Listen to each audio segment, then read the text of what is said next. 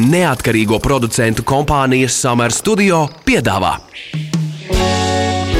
Ķepa uz sirds par viņiem, mūsu pašiem labākajiem draugiem. Raidījumu atbalsta Borisa un Ināras Teterevu fonds. Esiet sveicināti, darbie Latvijas radio pirmā kanāla klausītāji. Pie jums atkal raidījums ķepa uz sirds. Mani sauc Magnus Eriņš. Mani sauc Inese Kreitsberga. Labdien, labvakar visiem! Mēs esam novērojuši interesantu tendenci, cik ļoti atšķiras saimnieku attieksme pret suņu apmācību atšķirībā no suņa izmēra. Jo suns ir lielāks, jo saimniekam smadzenēs ir tāda pamatīgāka doma to apmācīt. Nu, jo kaimiņiem nepatiks, citi baidīsies, Katrā ziņā jāmēģina to suni vienkārši kaut kā savākt. Bet ar maziem sunīšiem taču ir pavisam vienkārši. Tie taču tādi mazi un nevainīgi, un ko nu tur mācīt tāda muļķa, puķa paroja padusē un dodies savā ikdienas gaitās. Jā, bet rezultātā, ko mēs redzam uz tām ielām, tie lielākie kvankšķi ir tieši tie mazie sunīši. Arī zobus tie rāda un uzrūc biežāk, bet nu, varbūt jau tikai mums ķepai uz sirds tā liekas, un tāpēc mēs šodien skaidrosim, kā ir patiesībā. Un pie mums raidījumā šodien viesojas kinologs, dzīvnieku uzvedības eksperts un zoopsihiatrs Alberts Čipuštānovs. Esiet sveicināts, Albert! Labdien! Ķepa uz sirds jautā ekspertam. Albert, saimnieki pat tiešām mazus sunīšus apmāca retāk nekā lielos. Un kāpēc, ja tā ir? Jā, es varu tam piekrist. Tiešām mazo šķirnu suni mazāk arī novēroti kaut kādā apmācību laukumos. Un, varbūt saimniekiem liekas, ka, ja viņš ir maziņš, tad nu, ko viņu mācīties, viņu turēšu padusē un viss būs kārtībā. Un, ja vajag, es viņu paņemšu, ja vajag, palaidīšu. Nu, pārsvarā ar maziem sunīšiem uh, ir divas lielas problēmas. Pirmajam kārtam tā ir agresivitāte, un otrajam kārtam ir bailes, kad viņi baidās no visa. Mums ļoti daudz, mēs tagad veicām tādu aptauju gan, gan sociālajos tīklos, gan suņu mīļu grupās, gan ielu intervijās. Nu, tas, tas interesantākais, kas, kas tapa zināms, piemēram, ja cilvēkam uzjautā par viņa mazo sunītu un apmācību, viņš saka, nē, nekāda dresūra, manējais suns ir tikai mīļumam. Ko mēs no tā saprotam? viņš ir tas, tas, tas traģiski izklausās. Tad viņiem apmācība visticamāk asociēs ar dresēšanu un nekādā gadījumā ne ar mīļošanos. Es, es nezinu, kā jums liekas šis, šī situācija. Varbūt jā, varbūt tiešām viņiem uh, liekas, ka ja runa iet par suņa apmācību, tad tas ir nu, kaut kāds process ne īpaši patīkams gan viņiem, gan viņu suņiem. Bet reāli tā nav. Pārsvarā visi tagad jau sen mācā visus suņus e, tikai maksimāli pozitīvi. Neizmantojiet kaut kādas rūpīgākas metodes, bet suņi ar prieku iet uz laukumu labprāt mācās, un viss ir kārtībā. Un tieši tā pati sieviete, kas teica, ka nevis dresūrai, bet mīlestībai, viņa tieši teica, ka ar viņas sunīti ir tāda problēma, ka viņš rejot uz kaimiņiem, bet dažkārt. Bet īstenībā tas ir viss ir saprotams. Uz dažiem kaimiņiem rej, bet uz citiem nē, tā kā problēmas nav. Nu, un otra problēma ir tas, ka īsti viņš negrib iet pie pavadas, bet nu, kur tad nu, viņš vairs ies, viņam nepatīkot tā iet. Ja? Nu, tā kā sanāk tā, ka tā saimniece pati to problēmu neuzskata par problēmu. Vai tā nav arī savā ziņā tāds, tāds jautājums, ka to mazo suniešu saimnieku nemaz neuzskata, ka tā, tā uzvedība ir problemātiska? Nu, jā, principā par problēmu vispār nu, mana profesija var uzskatīt tikai to problēmu, kuru uzskata par problēmu tieši saimnieki. Ja viņi neuzskata kaut kādu konkrētu uzvedību par problēmu, tad tad tu vari stāstīt jebko. Viņi vienalga neuztver šo informāciju, tāpēc ka viņi neuzskata, ka tā ir problēma. Šo varētu atrisināt eh, saimnieka un maidzīvnieka kopīgi pavadīts laiks, nu, piemēram, apmācībās un treniņos, kur, kur tomēr tā apmācību laikā šis saimnieks taču iemācās visas svarīgās lietas, vai ne tā? Tā, tā, protams, tas ir pats svarīgākais. Visiem jāsaprot, ka ejot uz skoliņu ar suni, tur pirmajam kārtam mācās saimnieks. Un, uh, Tikai tad uh, mācās, uh, pats saimnieks mācā savu suni. Tāpēc, otrādi nevar būt. Tāpēc, jāmācā viņu ikdiena, viņam jābūt paklausīgam ne tikai tajā laukumā, kur viņš mācās, bet arī kaut kā mājās, tur pie mājās, veikala pie veikala, nu, jebkurā vietā, jābūt kontrolējumam. Ja tavs sirds skaidro faktus.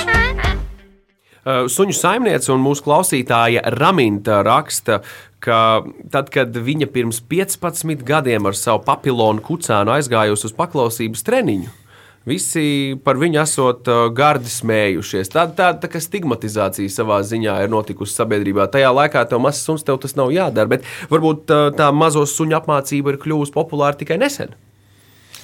Nu, jā, varbūt tiešām 15, 20 gadi atpakaļ, ja uz laukuma mācās maza auguma sunītis, tas bija nu, izņēmums, bet uh, tagad uh, nu, mēs plašāk un plašāk visu to redzam, tos suņus uz laukumiem.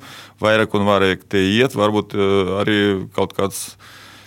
Es nezinu, izglītības jautājums, ka cilvēki vairāk un vairāk aizdomājas ar to, kas patīk un nepatīk citiem suņiem. Ja agrāk skaties uz maziem sunīšiem, kā nu, reji, nu, viņi visi reji un vienmēr reji tad tagad varbūt ne visi piekrīt tam, ka viņi visu laiku reji. Man varbūt tāds piedāvājums, es nezinu, Alberts, varbūt šis izklausīsies diletantiski, bet es piedāvātu radīt mazo suņu, suņu skolu kur nāk tikai ar maziem sunīšiem, lai nav nērti gadījumā, ja tur kāds lielāks vai kāds citādāk. Un var satikt līdzīgi domājošos saimniekus, kuriem arī ir mazi sunīši. Man šķiet, šī būtu diezgan jautra ideja. Nu, es domāju, tagad arī kaut kas līdzīgs tam jau ir. Tāpēc, ka ir apmācības laukumi tie, kuri ārā, un tur iet pārsvarā ar lieliem suņiem, un ir tie, kuri telpas, nu, kaut kādas labi aprīkotas telpas, skaistas, gaišas, siltas telpas, un tur pārsvarā iet tie mazie sunīši.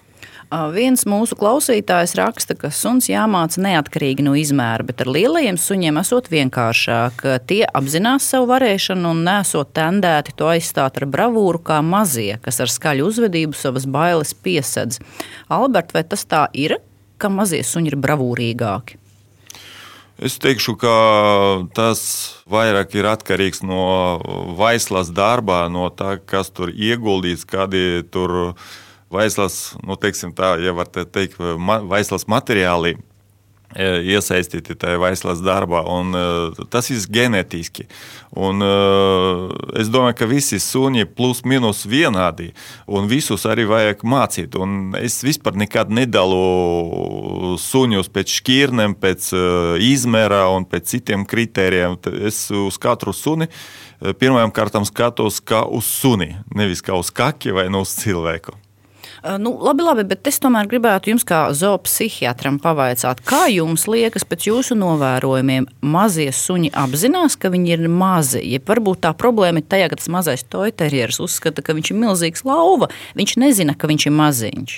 Jā, tāds moments arī ir. Ir pat tāds izteiciens, ka maziņš, mazais sunītis, bet ar lielu sirdī, kurš vispār neuzskata sevi par mazu, bet viņš uzskata sevi nu, tiešām par ļoti stipru, lielu un uz visu spējīgu. Es noskatījos pirms kāda laika video tieši par uh, dzīvniekiem, kuri sevi atpazīst vai neatpazīst spoguli. Suņi bija viena no tiem dzīvniekiem, kuriem uh, tā izpratne pārāk liela nav. Un tad šis varbūt liekas kopā, ka tiešām tas mazais sunīts pat nu, neapzinās, ka viņš ir maziņš. Ķepaus sirds, suņu būda. Bet runājot par mazo suņu destruktīvām problēmām un rīcībām, Albert, kas ir biežākie iemesli mazo suņu saimnieku vidū, kad viņi vēršas pie jums ar kādu problēmu, ko vajadzētu atrisināt? Iespējams, nu, tiem saimniekiem nemaz tā problēma var otrā gadījumā nelikties tik traki, nu, jo, zini, kā nu, nu, viņš tāds ir vienkārši. Nu, drīzāk, Albert, ko mēs varētu saukt par destruktīvu uzvedību? Vispār par kaut kādu nelabu turpmāku uzvedību var aizdomāties tad, ja jūsu kūcens uh, no visa baidās. Un, uh, protams, ka pagaidām tas neizpaužās tikai ar slēpšanu, nu, dažreiz riešanu, bet ar laiku tā var nu, attīstīties liela problēma, ka uz tās bailes pamatā varbūt viņš izaugs ļoti agresīvs suns, kurš būs spējīgs uzbrukt arī ne tikai pieaugušajam cilvēkam, bet arī bērnam. Un, protams, kaut kādam lielākam sunim, un tajā situācijā, kad viņš uzbruks lielajam sunim, tad tur nu, pavisam var būt nepatīkama situācija tieši jūsu sunim. Kad tas lielais suns nu, mēģinās sevi aizsargāt. Bet tā riešana, ko suns tajā brīdī grib parādīt, vai tas ir aiz bailēm, aiz vēlmes dominēt, ja tur var būt dažādi iemesli. Mums viena klausītāja raksta, ka, piemēram, viņas suns, papilonas šķirnes suns, ka viņam patīk riet, un dažkārt viņš arī iezīmē teritoriju. Visbiežāk tas notiek viņa mājās vai ciemiņu mājās. Nu, tas galīgi nav jauki, to arī saimniece pati saprot. Kas varētu radīt šādu suņa vēlmi nokārtoties uz dīvāna, piemēram? Jā, nu, riešanai, protams, var būt arī ļoti dažādi iemesli, sākot no pozitīvajiem, kad viņš tāda veida grib eh, pievērst jūsu uzmanību, lai paspēlēties vai nu paspēlēties ar citu suni. Tā ir komunikācija. Tas ir komunikācijas veids, eh, riešana. Bet riešanai var būt arī to, ko mēs bieži novērojam. Riešana, nu, kad jūs sakat, tur teri, teritorijas apzīmēšana, tad eh, tur apakšā ir kaut kāda nu, trauksme. Viņš uztraucās par to, ka viņš var būt apdraudēts kaut kādā situācijā, un tāpēc izējot, viņš nevienu nepamanot, jau rei, tā kā preventīvi rei, lai visi apkārt sāktu baidīties. Tāpēc, ka riešanai, tādai riešanai mērķis ir, lai nu, tas otrais suns vai no cilvēks nobijas un lai viņš tīnas prom. Pareizākā uzvedība būtu ignorēt pareizi. Tieši tā. Tu esi mans draugs, ķepus sirds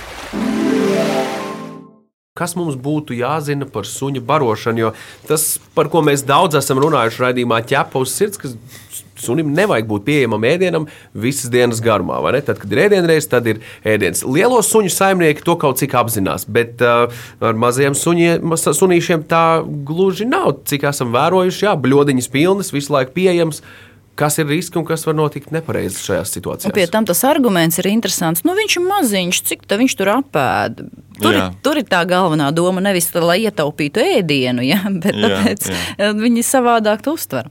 Jā. Nu, jā, mēs par to jau ļoti daudz runājuši, ka sunim nedrīkst būt eh, barībai visu laiku pieejamai.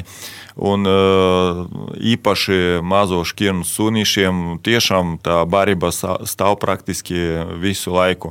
Bet uh, no tā sākas arī savstarpējas attiecības starp suni un saimnieku. Ja saimnieks uh, laicīgi piepildā to viņa bļodu, un ja viņš nē, tad viņš pieliek kaut ko klāt, kaut ko garšīgu, tur mērcīti vai nu gaļiņu vai nu vēl kaut ko tad eh, kurš tajā brīdī ir saimnieks?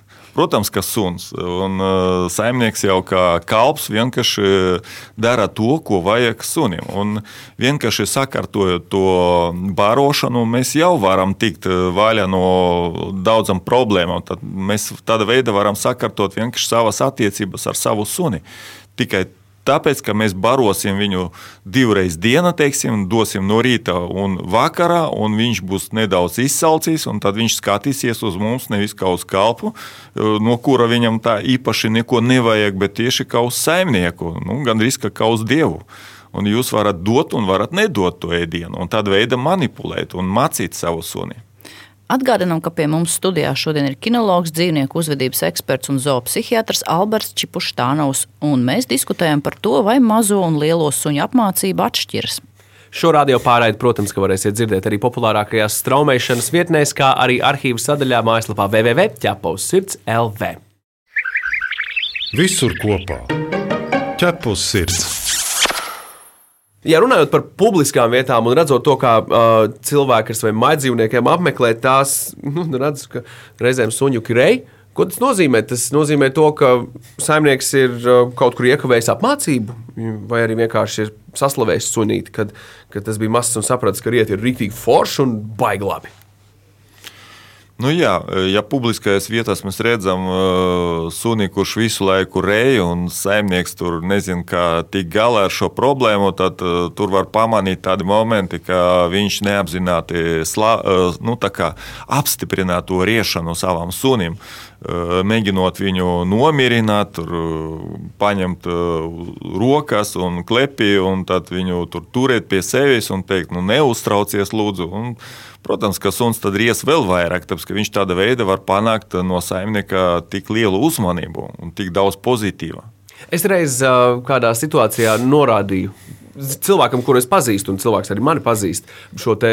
Tieši to, ko jūs teicāt, Alberts, es saņēmu tādas samazgas savā virzienā, ka es kopš tā laika šķiet neesmu runājis ar šo konkrēto personu. Un nonācu pie secinājuma, ka, nu, nu ja jau tad jau, ja jau tad jau.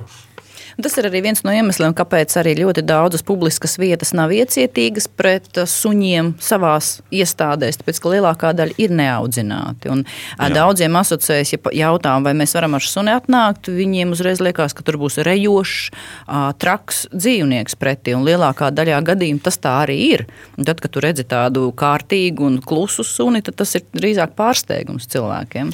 Nu, es domāju, es atkal divas dienas atpakaļ biju ar savu kucēnu Eh, Riga Plaza, Tur tagad arī drīkst iet eh, kopā ar suni iekšā. Un, uh, es domāju, ja mums būtu vairāk tādu vietu, tad varbūt cilvēkiem būtu iespēja vairāk nu, ņemt savu sunu un iet uz tiem restorāniem vai nu, vienkārši uz veikalu. Tad viņš varbūt arī vairāk aizdomāsies, uh, kā viņu suns uzvedās, vai tas būs pieklājīgi vispār ņemt nu savu nu, ja. suni. Tur. Un redzot citus cilvēkus ar saviem maidzīvniekiem, kuri ir izpildījuši mājas darbu, kuri ir devušies apmācībā, tu, tu sāc domāt, kāpēc, kāpēc mans toiterieris neuzvedas tā kā toiterieris, kurus redz tepat līdzās. Labs, tas nozīmē? Labs piemērs, jā. jā, bet tas ir tāpat, ka mēs sākām veidot raidījumu radio formātā. Mums vairāki kolēģi skaņierakstu studijā teica, kāpēc, kas tas jums par raidījumu, ka fonā suns nerēja? Nu, kādreiz paņemts līdzi ir viesim suns, un tas suns ir kluss. Tas nozīmē, ka cilvēkiem nu, liekas, ja suns viņam jārēj, bet mums ir ļoti labi audzināti suņi studijā, kuri nerēja. Tā ir tā pirmā asociācija. Jā.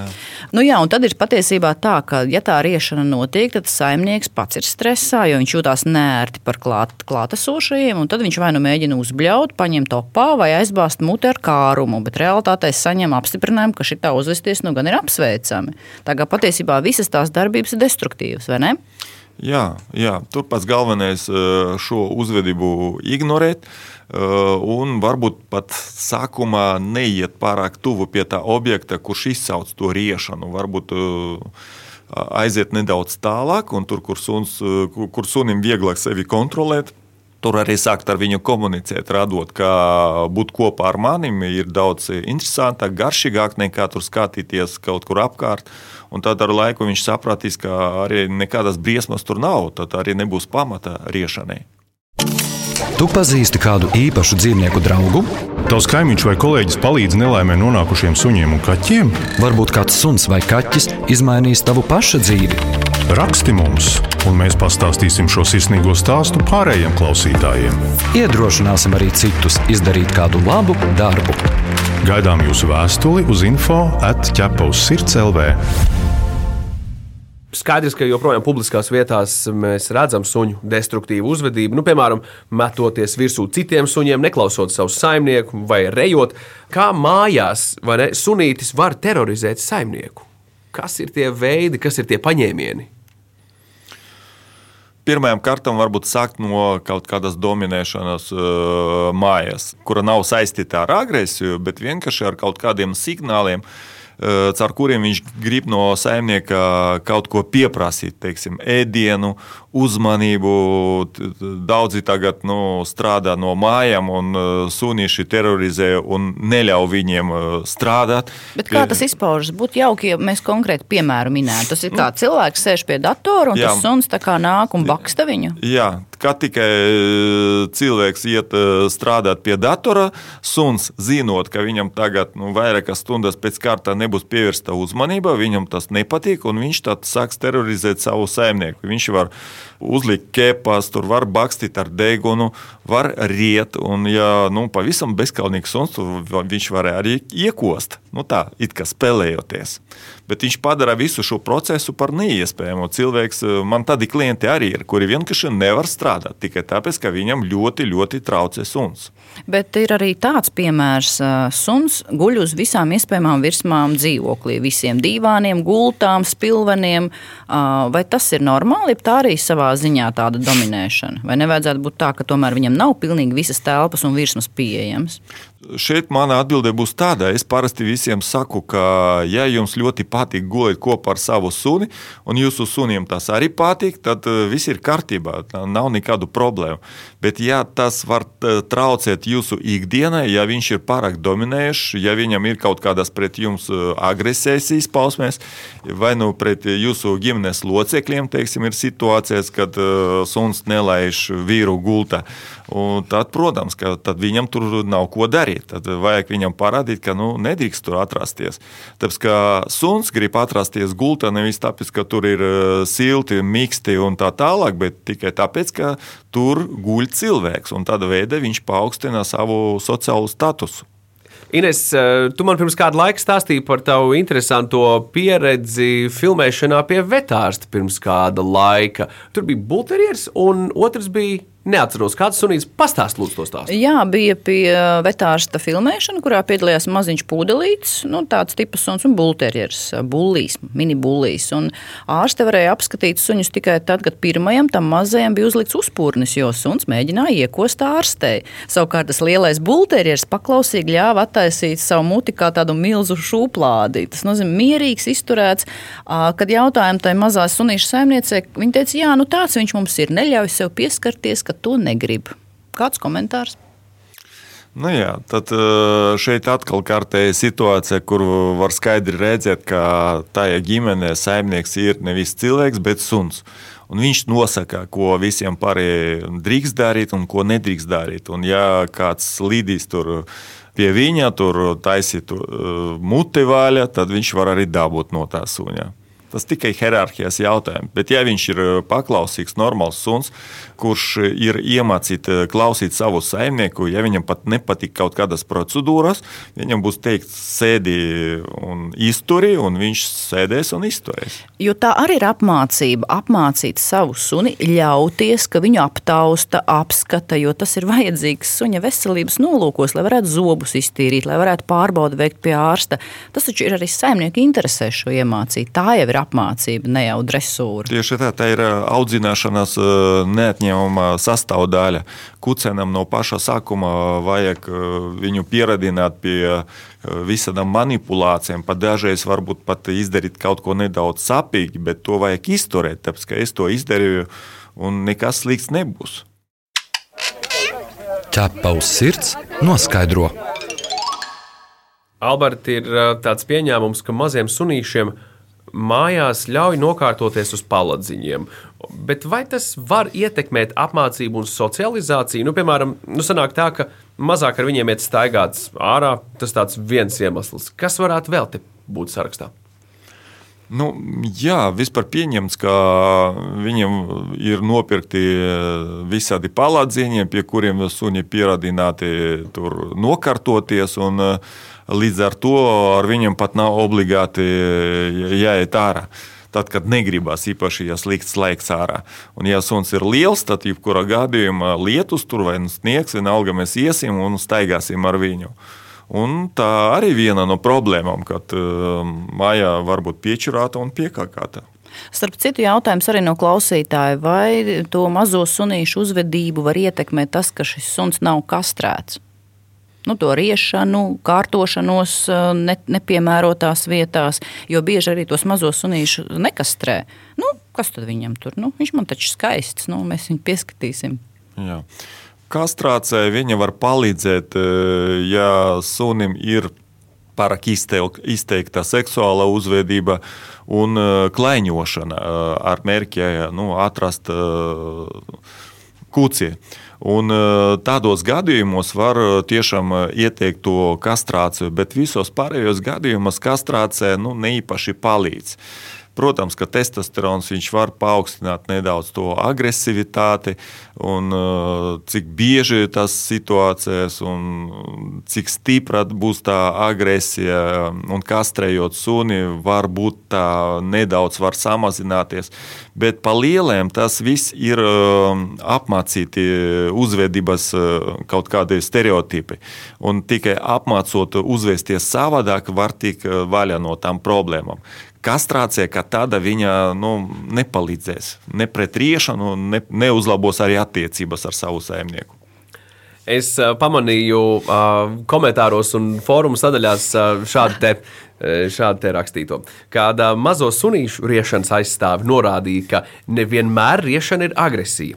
Suņi rejot izsaka emocijas, rejot spēlējas un ar rejieniem izsaka savu viedokli par drošību vai apkārt notiekošo. Nu, viņi tā kā komentētāji, tā kā putni, vai ne? Delfu komentētāji. Jā, apmēram. Albert, jūs komentārs par šo. Kā ir suns? Skaidrs, ka komunicē, bet uh, gribētu dzirdēt no jums vairāk par to. Tā ir komunikācijas veids, tā riešana. Vienīgais šeit vajag saprast, ka tā komunikācija ne visiem patīk. Mēs ņemam to suni pie sevis un ejam kaut kur ar viņu sabiedrībā ar domu, ka nu, mēs netraucēsim. Mums visiem vajag, gan mums, gan suņiem, iemācīties pieklājīgi uzvesties, lai ar mums arī visiem pārējiem gribēsies komunicēt un būt kopā. Bet, ja suns uzvedās pārāk skaļi, tas var traucēt gan lieliem, gan maziem cilvēkiem. Un ne tikai tas ir arī... arguments patiesībā. Jā. Bet realitātē ir tā, ka tie mazie sunīši ir agresīvāki par lieliem suņiem. Nu, tā statistiski, kā jūsu pieredze to rāda. Nu, jā, es eh, domāju, ka pat daudz agresīvāki. Oho! Jā. Tā kā tie iet un meklē to kašķi. Sanāk, jā, tā. jā. Magnus, tas ir interesanti. Tas, tas ties, tomēr daudz ko pamaina to situāciju. Tas, ties, tas uzreiz pagriež, pagriež aspektus man šķiet izvēles brīdī, kad cilvēks ir nolēmis iegādāties mājdzīvnieku tieši suni. Tad nu, padomājiet arī par šo.